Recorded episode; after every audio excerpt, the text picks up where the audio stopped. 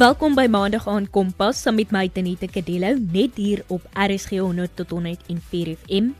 Jy kan natuurlik ook inskakel op ons DStv audio kanaal 813 of inluister op ons webtuiste by rsg.co.za.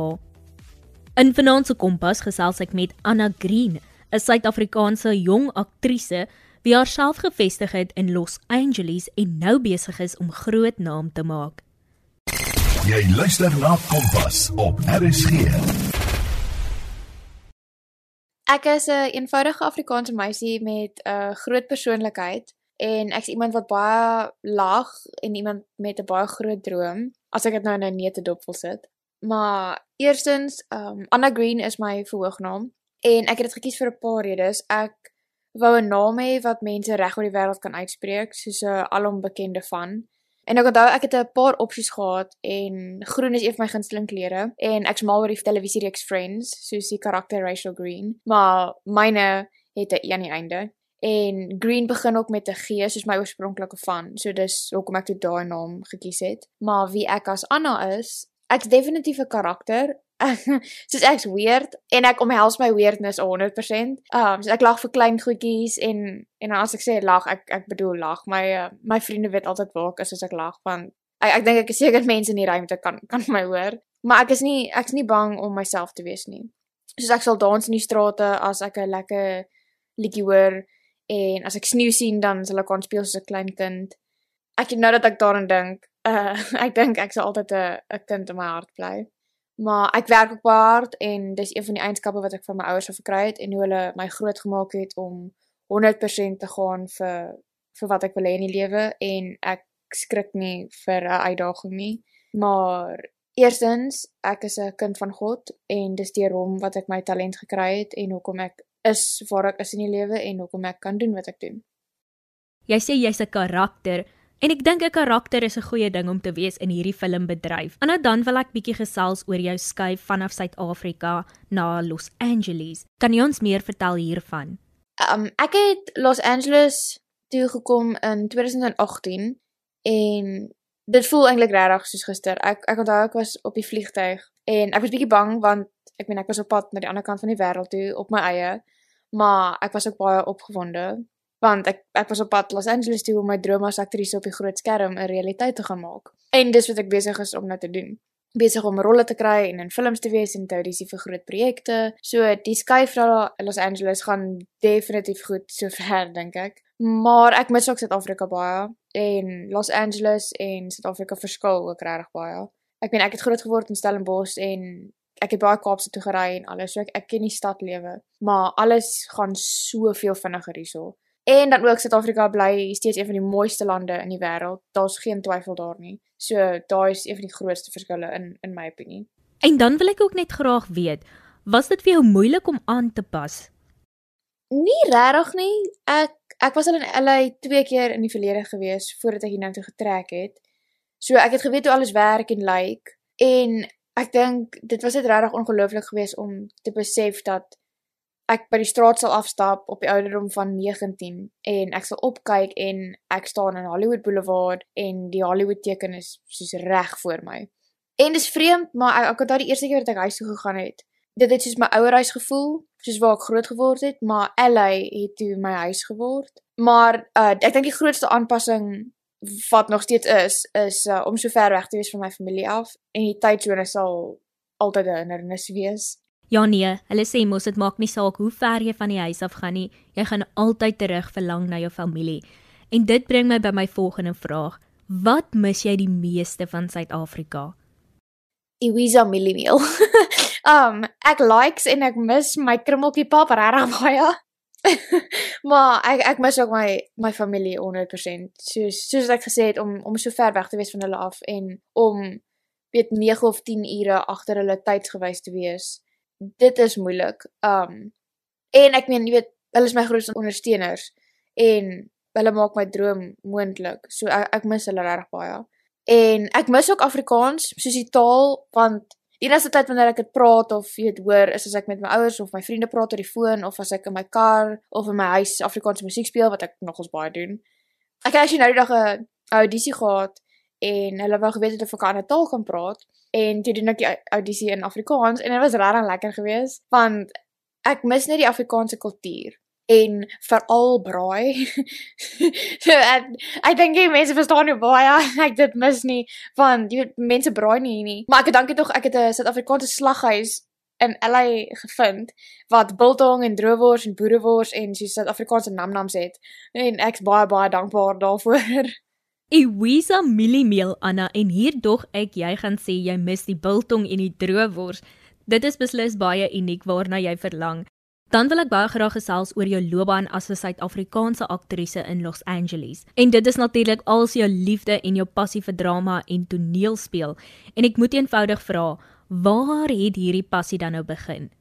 Ek het van kleins af geweet ek wil drama doen en ek wil in films wees en stories vertel. En my ouers het my grootgemaak om my drome te volg en daarin te glo en hulle het altyd vir my gesê geen droom is te groot nie. En ek onthou ook een van my skooljuffrouens het het my altyd Miss Hollywood genoem. En dis vreemd hoe dinge gebeur in jou lewe en hoe sekere goed oor jou pad kom. En alles in my lewe het net so presies in lyn geval dat dit deure oopgemaak het wat my Los Angeles toe gelei het.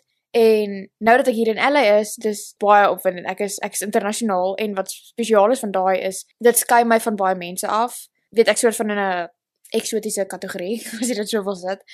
Um en is lekker want my Suid-Afrikaanse aksent, dit laat my so uitstaan en ek kry so baie audisies vir vir my aksent.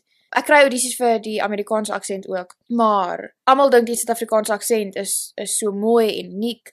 So dis nogal lekker om uit te staan in in daai manier as 'n Suid-Afrikaanse aktrise in Los Angeles.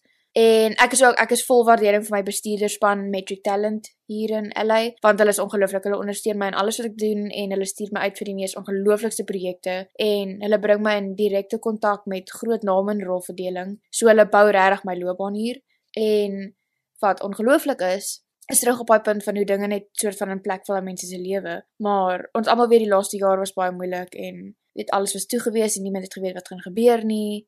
Uh, maar op 'n manier het ek ongelooflike geleenthede hier in LA gevind, filmgewys. Ek het twee feature films gedoen en al die ander films gaan festivals toe en audisies wat ek gekry het, soos vir wie ek audisie het. Ek's baie bevoordeel van al die audisies wat ek al gedoen het. Ek het al audisies gedoen vir Amazon en NBC en Netflix uh vir 'n projek wat Luca Guadagnino gaan direk. En dis iets wat ek nie reg vir woorde het nie, want daai is nog ons groot name. En dis elke keer as ek 'n 'n vertroulike draaiboek kry, dan het dit my naam op die bladsy want dit is spesifiek vir my.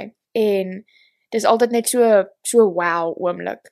So dis definitief opwindend en ek sien regtig baie uit vir wat die toekoms gaan bring, beide in Amerika en in Suid-Afrika.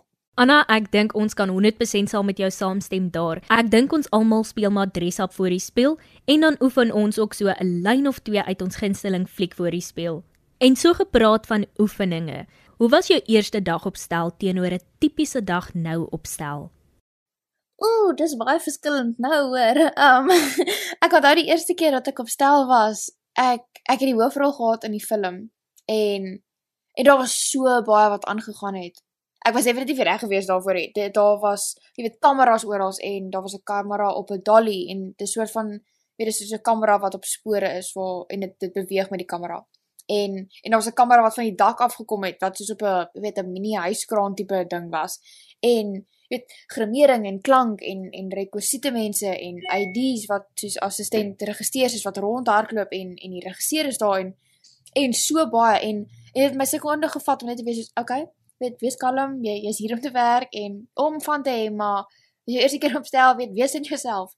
En nou weet na daai aanvanklike hartaanval, toe toe was ek weet in my natuurlike habitat.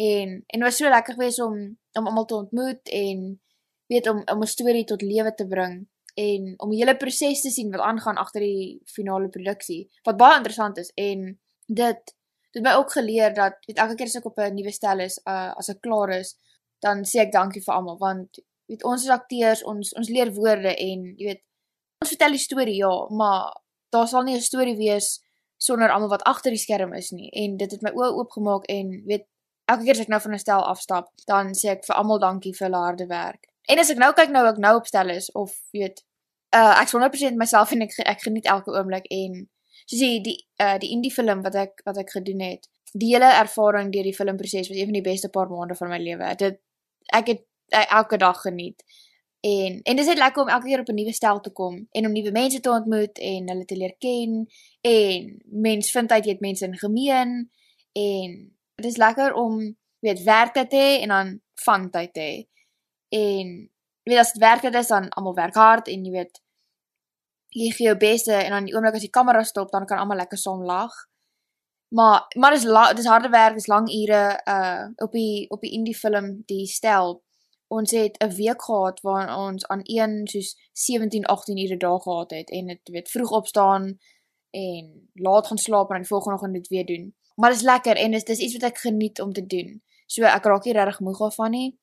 Want weet dis iets wat ek wil doen, ek wil dit meer doen. Maar dit is vroeg oggend, laat aande, maar maar dis my passie. En weet ek dink as dit iets is wat jou passie is, dan gee mens nie regtig om of dit vroegoggende, laat aande is nie.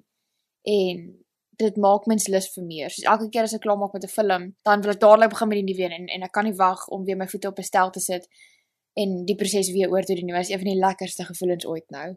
Dan kom ons by my gunsteling gedeelte, Anna. Wat is van die hoogtepunte in jou lewe tot dusver en dan ook wat is van daardie punte waar jy gevoel het dit is 'n laagtepunt of dalk 'n leerpunt in jou lewe? Ek fokus nie op laagpunte nie want hulle is tog steeds leerpunte en En dis natuurlik dat mens leerpunte gaan hê in enige loopbaan waarin jy wil gaan. En ek dink een van my grootste leerpunte wat ek nog steeds moet aan hard werk is my Amerikaanse aksent.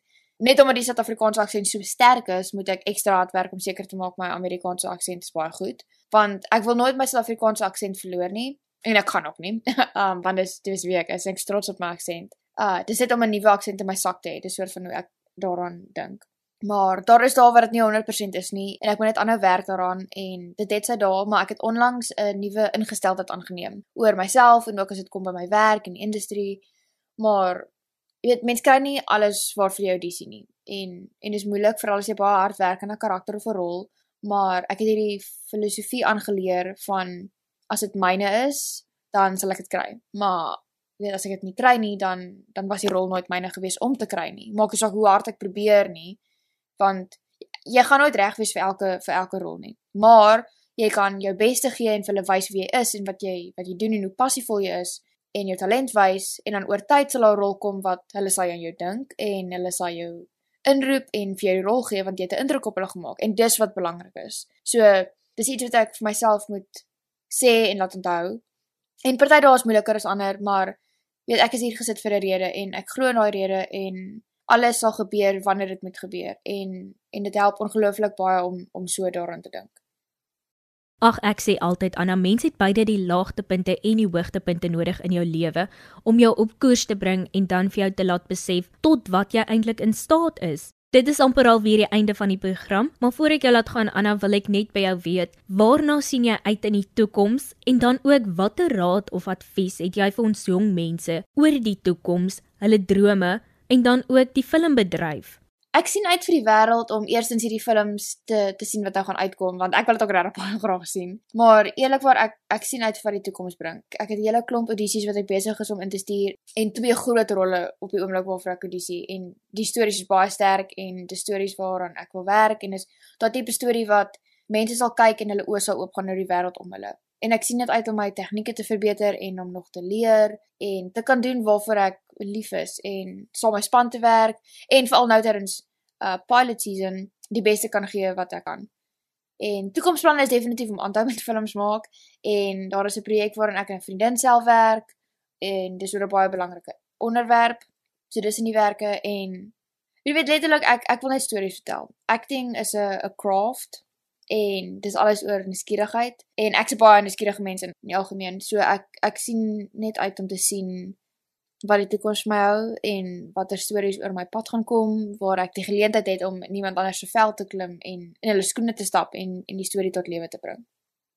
Ek is 'n groot Winnie the Pooh lover en ja, ek weet dit klink vreemd, maar daar daar's 'n quote waarby ek lewe en dit sê you are braver than you believe stronger than you seem and smarter than you think. En ek dink in vandag se wêreld met sosiale media, mense kan so vinnig begin twyfel in jouself want jy weet jy lyk nie maar genoeg nie of jy's nie slim genoeg nie of mense boelie jou en sê goed agter jou rug of mense breek jou af want hulle is jaloers. En Dit kan maak dat jy sig verloor van wie jy is en wat jy kan doen en die impak wat jy het op die wêreld. Maar dis net jy wat beheer het oor jou lewe, niemand anders nie. So vergeet wat anders sê en ek weet dis jy weet dis makliker gesê as gedaan baie keer. Maar gebruik daai as brandstof in jou lewe. Want die punt is elkeen van ons is op hierdie aarde gesit vir 'n doel en ek glo daai in my hart. So wys die wêreld wie jy is en glo in jouself. Al al is die toekoms onseker, dis tog deel van die magic wat lewe is. Ek het middel laas jaar 'n nuwe ingesteldheid vir myself gegee om op te hou bekommer oor goed wat ek geen beheer het oor nie en om vas te klou aan slegte gedagtes. Want die wêreld is so kosbaar en en tyd staan nie stil nie. So elke oomblik wat jy het, maak dit die beste wat jy kan. En ek sit my geloof in God en daai is eerlikwaar wat die grootste verskil in my lewe maak. En dit hou my op die regte pad en op 'n pad waar ek gelukkig is met wie ek is as 'n persoon en waar ek in myself 100% glo En ook ek dink hierdie tel vir enige iemand se drome, maar geen droom is te groot nie. En dis soos Disney sê, if you can dream it, you can do it. En dit is dan die einde van Anna se kuier by ons. Sommige net so vanuit Los Angeles het 'n jong Suid-Afrikaanse meisie haar nie laat terughou van drome nie. En daarmee dan die einde van vanaand se Kompas. Kompas word aan jou gebring in samewerking met SABC Opvoedkunde en Percy Mogale was ons regisseur vir vanaand.